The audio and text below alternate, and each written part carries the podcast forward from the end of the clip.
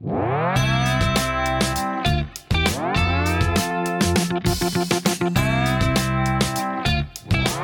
här podden finansieras av Tillväxtverket, Region Jämtland Härjedalen och Europeiska unionen, Regionala utvecklingsfonden.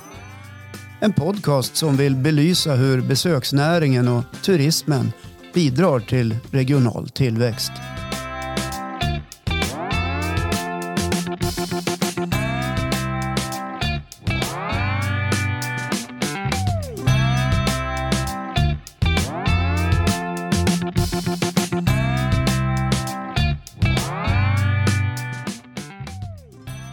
Men då är det dags att säga hej och välkommen till er som hänger med JHT-podden. Vi är tillbaka. Idag ska vi vara här med eh, Robert Falk. Hallå där.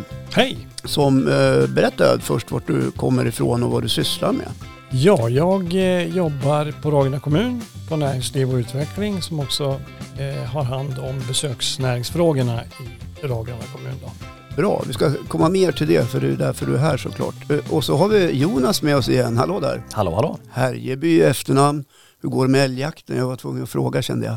Ja, nej, det har ju inte varit en bra helg den här gången heller. Nej, men Tyvärr. vad är det som händer Ja, det, ja, det var kärvt. Det var kärvt. Ja. Är älgjakt annars en destinationsanledning tror jag? Det finns ju absolut jaktturism, det gör Ja. det ju. Det är klart att det gör. Mm. Jagar du älg, Robert? Inte det minsta faktiskt. Ingenting? Nej, Jagar du något annat? Eh, upplevelser. Upplevelser? Ja. Ja. Besöksupplevelser, destinationsupplevelser eller? Allting som jag känner att eh, när man har gjort det så har man det kvar. Okej, vad är din senaste upplevelse då? Min senaste upplevelse eh, var en, ett besök i Vålådalen faktiskt. Ja. Okej. med eh, fantastiskt väder. Eh, en kam, kaffepanna på öppen eld vid en liten kärn där. Eh, ja, det behövs inte så mycket mer. Nej. Fiskar du eller var du bara ute och gick? Vi var ute och gick Ja. faktiskt och njöt av, av Ottsjö. Mm. Och det är så här det ser ut i stora delar av vårt vidsträckta område i Jämtland och Härjedalen. Att det är naturen och upplevelserna som vi kan nå. Du beskrev det ju som att din bästa plats här i, i, i, i länet, Jonas, sista, förra avsnittet du var med Ja, valfri stubbe. Valfri stubbe i skogen. exakt. Ja, så kan man också säga. Okej, eh, de här upplevelserna hittar man ju också i din hemkommun runt Ragunda, eller hur? Ja, det gör man definitivt. Ja. absolut, det finns otroligt mycket att upptäcka. Men kanske någonting som, som pandemin har lärt oss, liksom att uppskatta det vi har eh, runt knuten. Mm. Och som man i vanliga fall säger, ja men det gör vi nästa vecka, det har vi tid med. Ja. Och så kommer aldrig riktigt den där nästa vecka. Nej. Och som det var under pandemin så fick ju Svemester och Hemester ett rejält lyft i hela landet. Det är ju ingen, ingen nyhet så att säga. Men så blev det ju även i Ragunda då menar du? Ja, definitivt. Vi Ja. hade ju väldigt mycket gäster. Eh, svenska gäster, mycket husbil, husvagn eh, och eh, lokalbefolkning också som, som passade på att göra saker som, eh, som finns att göra hemma, Mm. så att säga, eller i närheten. Den här podden görs ju eh, utifrån ett eh, särskilt projekt inom Jämtland Härjedalen Turism. Och Jonas, dra namnet du som är så oerhört långt. Mm, ja, besöksnäringens roll för regional utveckling 2.0. Där satt det. Yes. Tack för det. Och då ska vi ju röra oss kring just det och vad det begreppet egentligen går att fylla på med. Och när du nämner det här eh, som ni upplevde under pandemin, hur, hur tycker du att det har blivit år två då efter det? Vart- eh, vi vet att det har varit en eh, generell nedgång runt om i landet. Ja, jo men det har vi också sett. Ja. Eh, och det har väl kanske mm, att göra med att nu eh, fanns det ett uppdämt behov av att, åka utomlands Mm. eh, och se andra delar av världen. Plus att eh, det är min egen tolkning att bensinpriserna, drivmedelspriserna har ju gått upp så att man tänker sig för lite extra också innan man Mm. drar iväg och det Men hur tänkte ni då på, på det stället du, där du jobbar? Hur ska vi förvalta det här som ändå sker nu under pandemin? Hur ska vi titta framåt och hur ska vi ta tag i den biten? Hur ska vi dra nytta av det vi har här på hemmaplan och fortsätta utveckla det? Ja, det är ju, vi har ju väl tänkt så att vi, vi har bland annat eh, skapat en massa vandringsleder runt om i, i kommunen på nio olika platser. Mm. Eh, och eh, det gjorde vi utifrån att eh, vi såg att det fanns ett behov av att komma ut i naturen och många som kanske inte är så vana heller eh, vill gärna ha liksom en, de vill veta vart de ska börja och gärna att de kommer tillbaka ungefär på samma ställe. Ja, så att man inte... Så att man inte liksom villar bort sig Ja. och, och så. Va? Ja, men jag har gjort det då enkla vandringsleder som är, där målgruppen är egentligen kanske inte all, de allra vanaste. Som, Mm, Nej, vi har ju, en, vi har ju liksom ett skogslandskap. Mm. Eh, Det är berget, absolut, men det är ju inte en fjällmiljö. Så det passar väldigt bra för eh, familjer och de som kanske inte eh, vill liksom ha äventyr eller expedition utan man, man vill komma ut i naturen på ett enkelt sätt. ja. Jonas, är det här ett bra exempel på hur man tar någonting man har? Ja det tycker jag absolut. Alltså, vi pratade innan här lite kort bara att eh, liksom, man ska prata och lyfta det man har och inte prata om det man inte har och så vidare. Eh, och som Robert sa att ja det är ju inte fjällvandring men alla vill ju inte ha fjällvandring heller och det kanske är lättare att ta till sig för, för många och, och, och komma ut så det är ett jättebra exempel. ja. och har ni kört det här i sommar nu då, som har varit? Ja, vi hade premiär på det här i, eh, ja, det, alltså lederna har ju funnits där men de har varit dåligt eh, märkta och de var dåligt röjda och så vidare. Men eh, så att vi hade liksom lite premiär på det här i augusti var det väl. Så det är ganska nyligen att det är så att säga officiellt och klart. Eh, men det här är ju ett, ett jobb som har pågått några år nu. Så det, det är jättekul. Mm. Hur, var det då? Det kan vara svårt att dra några slutsatser efter bara en månad, men Nej men vi har fått en väldigt bra liksom, respons och många som har hört av sig tycker åh vad fint, vad kul liksom. Finns det fler leder? Eh, Ja det gör det. Eh, och att man har liksom, eh, ja, tyckt att eh, vad kul, nu ska jag ta hit mina kompisar från Skövde eller var de är från ja, och, och liksom gå de från här. Skövde är ju speciellt. Ja, det, det, precis. De har ju, de har ju eh, ja, jobbat mycket. Ja, så lite grann att återupptäcka det man faktiskt har och att också förädla det man faktiskt har och göra en, en grej av det som gör att det också fortsätter kanske att utvecklas i takt med att åren går. Absolut. Eh, och vi har ju, alltså, vi- har ju fantastiska ställen och be- besöksmål och, och, och just det där att nyttja det man har lite grann och ta fram det man är duktig på. Det tror jag är en, en, en bra Mm. strategi. Fortsätter ni med, med den här delen? Är det, är det i form av ett projekt där ni har fått eh, särskilda pengar under viss tid? Det brukar Jajamän. vara så ibland. Men nu är det stängt och bommat så nu kan man inte köpa något mer eh, skyltar eller vad det nu är. eh, men det, vi är klara så att eh, det känns jättekul. Så nästa eh, sommar när det blir vandringsläge igen då, då, då öppnar ni upp igen då? Då är det bara att eh, bege sig ut i Ragunda skogarna. Ja. I besöksnäringen brukar man ju prata om paketering, att eh, man ska liksom packa ihop det och göra det till eh, ett paket för den som vill åka och, och bo någonstans. Men där ligger ju inte kommunens roll, men ni hjälper ju till på andra sätt. Just den här delen av vandringen, eh, hur har ni pratat där? Hur, hur ska ni till nästa år då till exempel marknadsföra det och försöka få andra att sälja in det? Ja, nej men det är ju som du säger, kommunens, eh, vi har ju inget utpräglat eller utpekat destinationsbolag i Ragunda utan det är ju kommunen som tillsammans med näringen försöker att driva eh, utvecklingen och eh, i det här fallet så sökte vi ett projekt och sen så kontaktade vi de olika byarna och, och de som vi visste var intresserade av det här.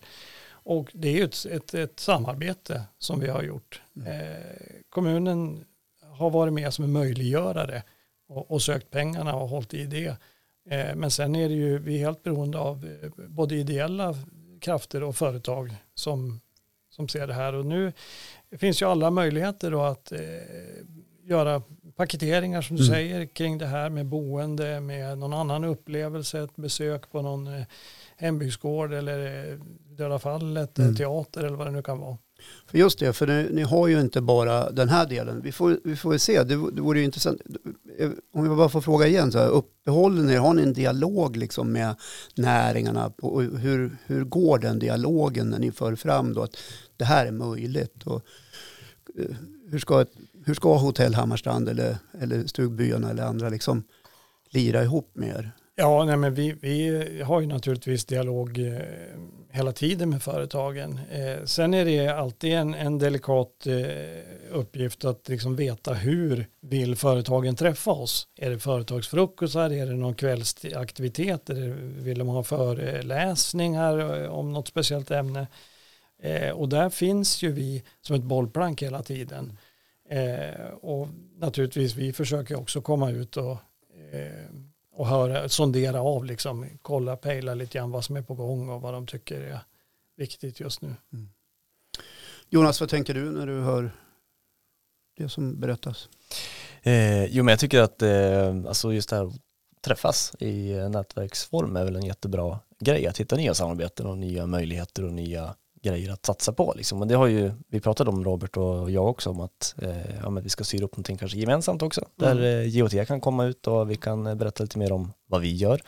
Nu har ju inte vi, alltså vi är ju inte heller ett destinationsbolag och har möjlighet att styra upp och fixa så heller. Men eh, eh, i och med att Ragunda kommun är medlem i GOT så har ju vi ett samarbete som som finns där och då kan vi på något sätt samköra och liksom hitta vilka behov som, som finns där ute också. Ja, då får ni en dialog åt det här hållet också som som medlemmar i IoT. Ja, ja det, är, det är fantastiskt mm. eh, viktigt eh, för oss att, att finnas med i, i de regionala eh, nätverken. Ja. Så det... Men så här då, nio nya, eller nya, det, det, kan mycket väl vara gamla vandringsleder, men ni har i alla fall fört fram dem på agendan, existerar nu i Ragunda kommun. Mm. Och gillar man att vandra och inte är någon så här karta kompassläsare som ska ligga på kalfjället i 25 sekundmeter så är det här suveränt. Ja, det, då, är, då, då har man hittat rätt där. är det lägereldar och vindskydd och sådana här grejer också? Så ja, liksom... det finns alla möjliga eh, varianter. Det är eh, allt från bord och stolar till eh, vindskydd och eldstäder. Jag tycker det låter lockande. Känner inte du det Jonas? Ja, absolut, absolut. Och även en dit. bra möjlighet för liksom någon form av paketlösning och samarbete. Att hitta någon eh, alltså boendeform som man kan slå ihop med någon led ja. här, att man kan satsa liksom på att ja, göra ja. Ett, en lösning nätter, tillsammans kanske. Ja, ett par nätter på Hotell Hammarstrand eller någon annan och, och så en trerätter och sen ut och vandra lite grann och så tillbaka. Och Till exempel. Duscha lite och göra sig snygg och sen ja. fortsätter man igen med nästa trerätter eller, eller vad det nu blir för någonting. Ja, det låter som en... Ja, det var för mig en nyhet i alla fall. Mm. Kul, mm. kul att höra om. Sen har ni ju också i, i Ragunda eh, välkända, eh, brukar jag säga, landmärken. En som jag alltid hör i nästan alla sammanhang. Det, när man stöter på någon och så börjar man prata om Ragunda, då är det Rådelbanan som dyker upp. Mm, ja. Det kanske en del tycker är så här uttjatat, men snacka om att faktiskt hålla i någonting år efter år efter år och decennium efter decennium. Mm. Så, där en hel bygd kan samlas kring. För förra året så sparkade ni igång och isade upp banan och hade faktiskt allmänhet som var där och åkte och fick prova på. Ja, det ja. stämmer. Det, ja, det här är ju en tradition, det började på 60-talet när man eh, jag vet inte, jag har sett någon, någon gammal slogan att, att Hammarstrand skulle bli som Sveriges Cortina. Ja. Eh, och vi var ju faktiskt väldigt tidiga med en, en, eh, en storlift. Eh, alltså linbana helt enkelt och eh, man byggde slalombacka eh, och, och, och stugbyar och allt vad det var för någonting. Och rodelbanan då kom ju också. Mm. Eh, där det då har varit tre stycken VM. Det är lite häftigt. Ja, och det är kanske inte så många som vet om. Nej. Nej. Men, men just det faktum att den också står där och att det blir liksom en, en vad ska man säga, det blir ju en, en symbol för någonting där en hel bygd samlas kring mm. och gör någonting tillsammans. Uh, och sedan så erbjuder ni också att man faktiskt ska kunna testa på och åka. Finns det där någon, någon som har liksom visat sig beredd att försöka paketera ihop det här och vända sig till uh, människor som skulle vilja ha lite äventyr i, i rodelbanan och känna hur det är? Jo, men alltså det här är ju då det är förbundet helt enkelt som har eh, gått in eh, tillsammans med lokala eh, eldsjälar då, och eh, har sagt att nu vill vi sätta lite fart på den här banan igen. Mm. Som ju då hade legat lite grann i träda, det ska vi ju eh, erkänna. Mm. Eh, och det är mycket jobb naturligtvis, det är naturis eh, så att man är ju beroende av väder och vind eh, och framförallt temperatur. Men eh, det finns ett stort intresse och eh, den rådelsport som, som finns i Sverige, för det finns faktiskt eh, några klubbar, mm. de vill ju hemskt gärna ha en, en träningsanläggning också i Sverige som funkar. Ja. Så att det är lite grann utifrån det också som man har, har dragit igång det här.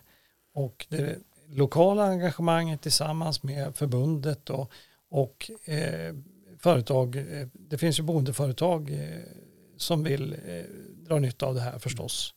Så eh, om det är en tillräckligt bra träningsanläggning, om vi säger så, då, så drar ni till er utövare eh, ifrån vårt land, men kanske också från andra länder? Ja, det kan det absolut bli. Mm. Det är ju det vimlar ju inte av rodelbanor i Sverige eller i Norden. Eh, även om det finns några banor i Norge. Då. Eh, men eh, Men det gör ju att ni på ett sätt kan ha en slags unik position. ja, precis. Det, det, Även om målgruppen kanske inte är så jättestor på den professionella sidan om man säger så. Nej, nej. Eh, rodelsporten och, och, och skeleton och så är ju en liten sport såklart. Men eh, det känns ändå som att det finns ett intresse och det skulle kunna bli någonting som eh, ökar. Men för mig som vanlig dödlig, liksom, jag ska kunna ta med mig familjen och åka dit och säga nu ska vi prova på att åka rodel. Det kan man absolut göra. Kanske är det sista man gör med familjen. Ja, nej men så farligt är det inte. Det ser ju livsfarligt ut. Men, men Ja, det är klart det ser det livsfarligt här ut när man aldrig har provat. det här är ju, jag känner flera som har provat och överlevt. Ja, vad- skönt. att, eh, Ja. eh, Har du provat man- Har du provat Nej, jag har inte Det har det. Jag har inte det. Okej. Jag fick inte tillfälle eh, under vintern. Du var sjukast den dagen eller? Eh, ja, eh, det var väl det. Ja. Och sen så, eh, så eh, nej men man kan också avgöra hur långt man vill åka. Vill man inte liksom ha 300 meter då kan man liksom börja på 150 och, Mm. och prova sista målkurvan. Liksom. Så att eh, jag skulle säga att hela familjen kan prova. Ja, spännande. Det känns ändå skönt och lovande att man slipper hela liksom. Att det finns- man ja, vill liksom att det finns en inte- valfrihet. Ja men precis. Ja. Svart åk på en gång om man säger. Ja, men Men, ja, men jag känner så här när vi står och pratar om det, att det är tillräckligt spektakulärt och lockande för att det ska suga till i maggropen, att man känner att ja, det där ska vara häftigt att testa. Ja, ja, ja, i vinter ska jag testa. Ja, Ja, okej, jag skriver upp det. ja. Så kollar vi läget där sen. Ja, absolut. men, det, men sen så finns det ju så, om vi pratar nu och uppehåller oss kring det som faktiskt finns redan, Mm. så är ju döda fallet rikskänt för att kanske till och med internationellt känt. Det känner inte jag till, men det kanske du vet om det är det. Ja, eh, det är ju så att eh, Döda fallet har ju varit ett besöksmål under väldigt lång tid. Eh, och det är ju en spektakulär eh, natur där nere och sen då med hela historien kring eh, sjötömningen och vildhussen och hela den här eh, har ju gjort att det, det, det är många som vill komma och titta på det här. Ja. Det finns ju en enorm historik bakom det här. Ja, det gör det. Ja. Det finns väldigt, väldigt Nu kan inte jag hela storyn, men Vildhussen som han kallas, Ja, Tumdesjön, ja, precis. Det var ju ungefär det jag kan. Ja, eh, om vi tar den korta, korta historien så Ja. är det ju så att eh, man ville kunna flotta timmer från de stora orörda skogarna upp i Jämtland ner Mm. till kusten. Eh, det gick inte därför att Storforsen, som den hette då, eh, låg i vägen och där fastnade timret och så vidare. Och eh, då anställde man en kille då som hette Magnus Huss som senare vart Vildhussen eh, och lösa det här problemet och det gjorde han. Men det vart lite mer dramatiskt för han råkade tömma hela Ragunda sjön då. Eh, så vart det ju en enorm eh, katastrof Mm. naturligtvis. Eh, men som har gjort, har bidragit väldigt mycket till, till den här regionens utveckling. Ja. Hur har ni utvecklat döda fallet genom åren då? För att, Ja, först så fanns det en liten våffelstuga och så fanns det en väldigt, väldigt lång trapp mm. ner. Och sen en liten övergång över järnvägen. Eh, och sen fick man hoppa runt där bäst man klarade av så att säga. ja, om du beskriver miljön. Ja, det är ju alltså en, en enorm ravin Mm. eh, där vattnet under tusentals år har liksom format landskapet. Och i och med att Indalsälven tog en helt annan sträckning efter den här katastrofnatten 1796 så kan man nu gå omkring där nere bland de här stenarna och formationerna och jättegrytorna som har Det är ju enorma stenblock. Ja, det är- alltså vi det pratar stenblock på ett par, tre meter eh, ja, i bredd och höjd. absolut, Och sådär. absolut. Så det är inga småknular vi, vi snackar om. Eh, idag så har man ju då spångar där nere som man kan gå omkring på liksom under ordnade former. Eh, och eh, det finns en servering där nere och 1992 stod ju också Sveriges största vridläktare Mm. på plats där nere. Och eh, lagom då till premiären av Vildhussen, spelet av Vildhussen. Ja.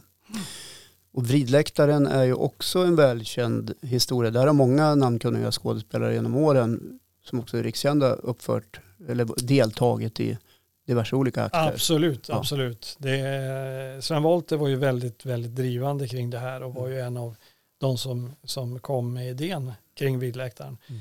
Sen har ju Ingmar Virta och Marika Lagerkrans, eh, många kända. Johan Rabaeus har varit där nere och spelat. Så här har vi då en helt unik scen i en naturlig miljö där läktaren rör sig runt scenen eller är det scenen som rör sig runt läktaren? Nej, det är läktaren som snurrar 360 grader runt och då kan man spela antingen in mot eh, en scenmiljö så att säga eller Mm. ut mot dalgången och få hela naturen som kuliss. Vad häftigt. Ja, det är fantastiskt. Men kan man säga att Döda fallet är liksom eh, den här regionens svar på Grand Canyon? Det ska vi inte man säga- kan vi inte dra säga- till. Ja, jag tycker Ja. vi bestämmer det Jag nu. så, att, Ja. så att människor som lyssnar får en slags inre bild av vad det är ni faktiskt erbjuder. Ja, ja, det, ja, men det är en, en upplevelse att vara där nere. Ja. Men sen har jag nåtts av rykten att eh, det har hänt något väldigt häftigt runt eh, Döda fallet också. Ja, Ja. det har det.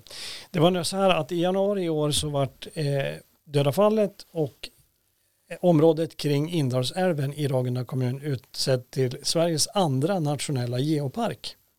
Ja, Geo, det förstår jag, det har ju med sten och mark att göra Ja, på något vis. Precis, det här var ett arbete som vi började 2014 när vi skulle undersöka om Döda fallet hade förutsättningar att bli ett världsarv.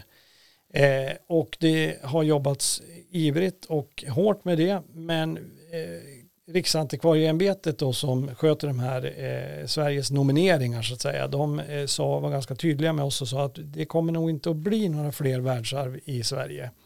Därför att vi har ganska många och vi har ganska många också i Europa om man säger så. Så att det är andra områden i världen som man prioriterar. Däremot så har de startat en ny eh, sak som heter geopark. Mm. Och det har ju som utgångspunkt då i geologin att, att skydda områden som har speciella eh, förutsättningar liksom och, och, och är värt att bevara för kommande generationer. Vad häftigt. Mm. Vad går det att spinna vidare på där, tänker du Jonas? Om, om du vore en liten entreprenör eller större? Ja, nej, men jag tycker att alltså hela Döda fallet och liksom det vi pratar om med, med teatern och spelen och geoparken tycker att det är ett jättetydligt och bra exempel på att ta vara på en möjlighet, eh, vilket är väl mycket det som handlar om när det kommer till entreprenörskap, att agera på en möjlighet och så eh, och nyttja en resurs som, som finns. Och här är det ju en jättespännande resurs som börjar med den här liksom smått fantastiska historien med vildhussen som sen leder till en naturkatastrof och som blir ett besöksmål och eh, som också är geologiskt intressant. Så att, ja, men det är ju ett praktexempel på hur man kan utveckla någonting som, som är väldigt spännande. Ja. Och hur får vi fart på entreprenörerna då? Ja, vi, vi kommer att träffa dem faktiskt här.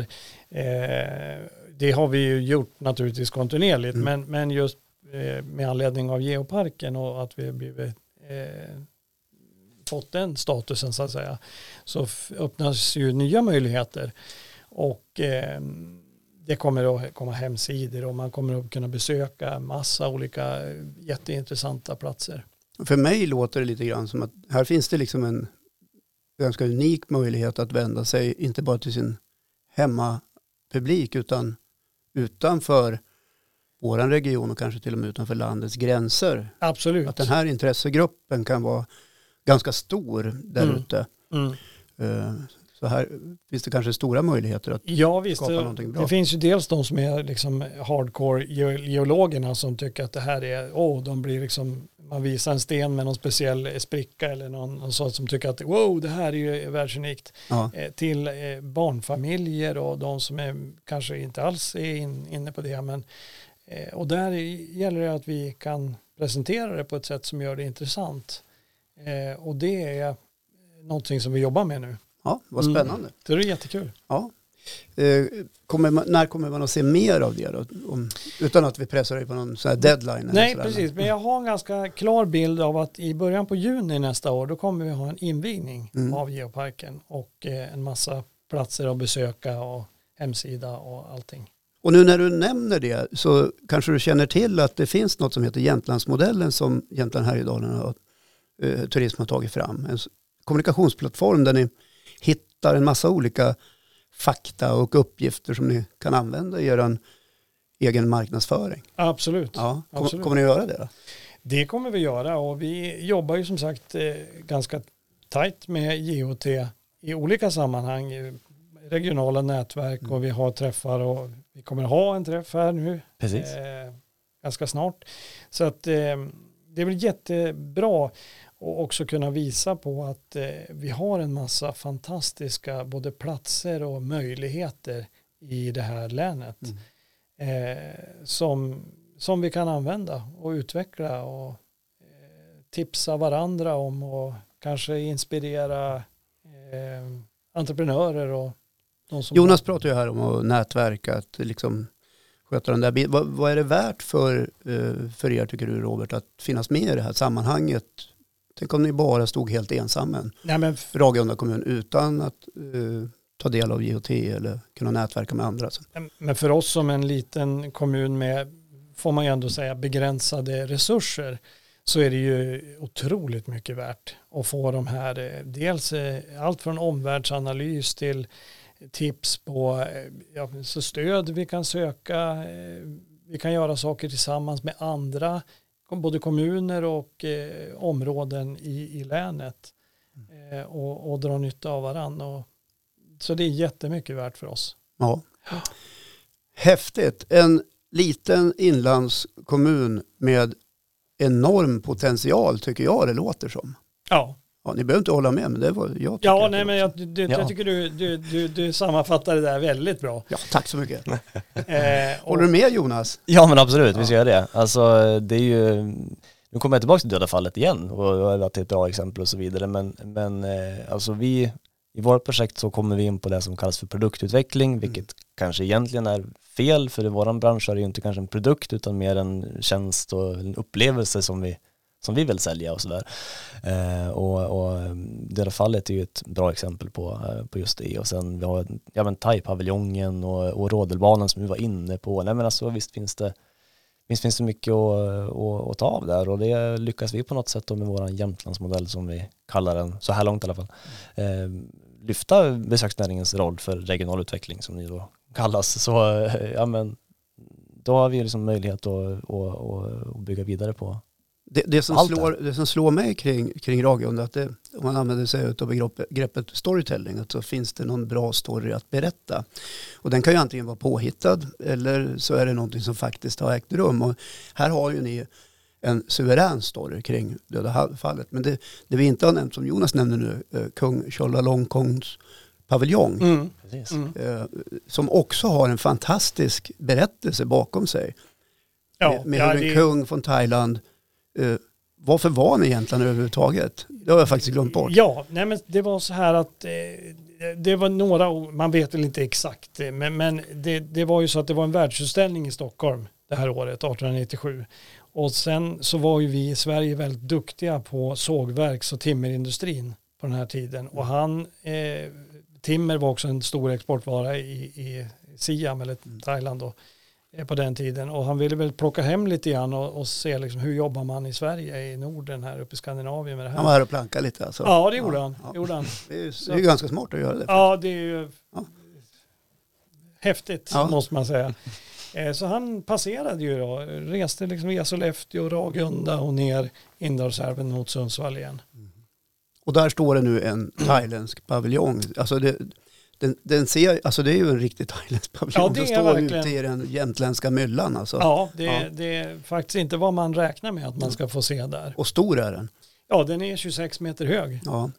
Eh, Så att eh, det är ju en, den smälter ju liksom inte in i övrig be- bebyggelse där nere utan nere. Nej, sticker ut lite grann. Nej, det sticker ut Ja. lite grann. Och där har vi faktiskt också ett väldigt eh, bra samarbete nu med eh, företagarna i, i Bispgården i Mm. Fors.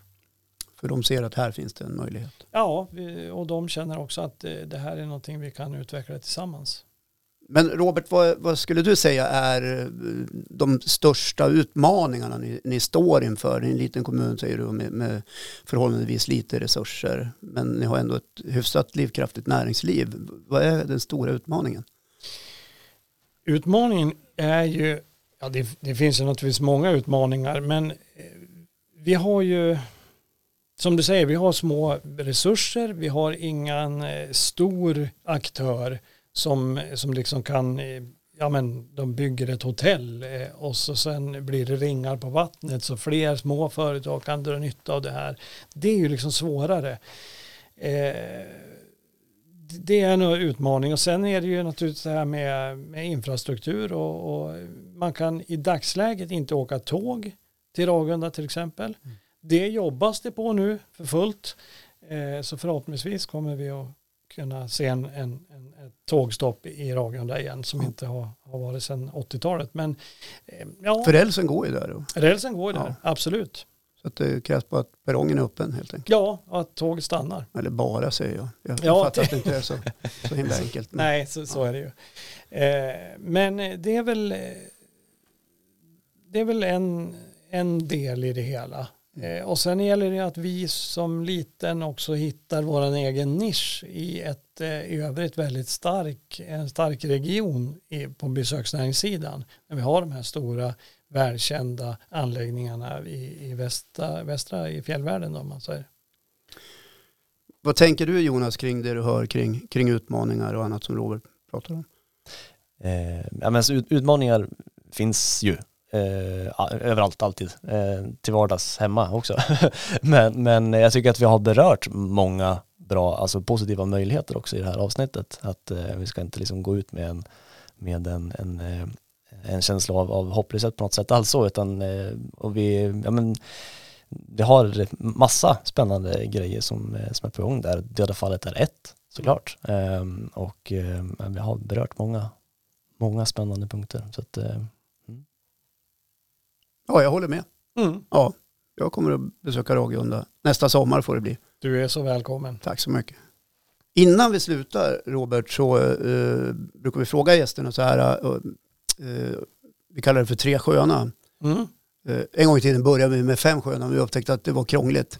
Det, det var lite för mycket. Men tre sköna grejer, ifall du själv vill uppleva någonting, eh, som du startade den här podden med att säga att det är upplevelser du jagar. Om du fick välja topp tre ifrån ditt eget skafferi, vad, vad skulle det vara för någonting? Det du helst gör eller det du har upplevt? Ja, det, jag får ju vara lite förutsägbar då och säga att eh, Döda fallet är definitivt ett sånt eh, besöksmål. Där är jag flera gånger eh, per år naturligtvis mm. och, och, eh, bara strosar runt och, och tittar. Eh, sen har vi området uppe i nordväst eh, Eh, med Borgvattnet och Mårdsjön och fantastiskt fina bygder. Eh, Spökbergsgården är ju en, en sånt välkänt mål där uppe men det finns mycket mer där uppe.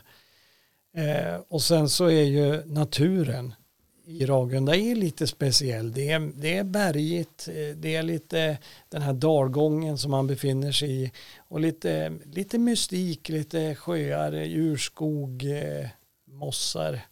Ja, det är en härlig, eh, så, så, härlig mix liksom. Ja, det låter som ett litet sagolandskap. Ja, det är lite ja. sagolandskap faktiskt och, och så alla härliga berättelser på det. Så det är det är mina små smultronställen. Spännande. Den lilla kommunen med eh, den stora potentialen. Robert Falk, det var hemskt trevligt att ha dig med i den här podden faktiskt. Tack så mycket ja. för att jag fick komma. Och lycka till med allting i, i framtiden där. Det ska vi ja. jobba vidare med. Mm. Och tack till dig också Jonas Härjeby. Tackar, tackar. Som var på besök igen. Jajamän, alltid trevligt Kommer du nästa gång också? Ja men eh, jag ska försöka stoppa in lite huvud här då. Ja, trevligt, trevligt, trevligt. Och till dess att ni hör något ifrån oss så pass på att njuta av det här avsnittet och många fler som finns där båda finns.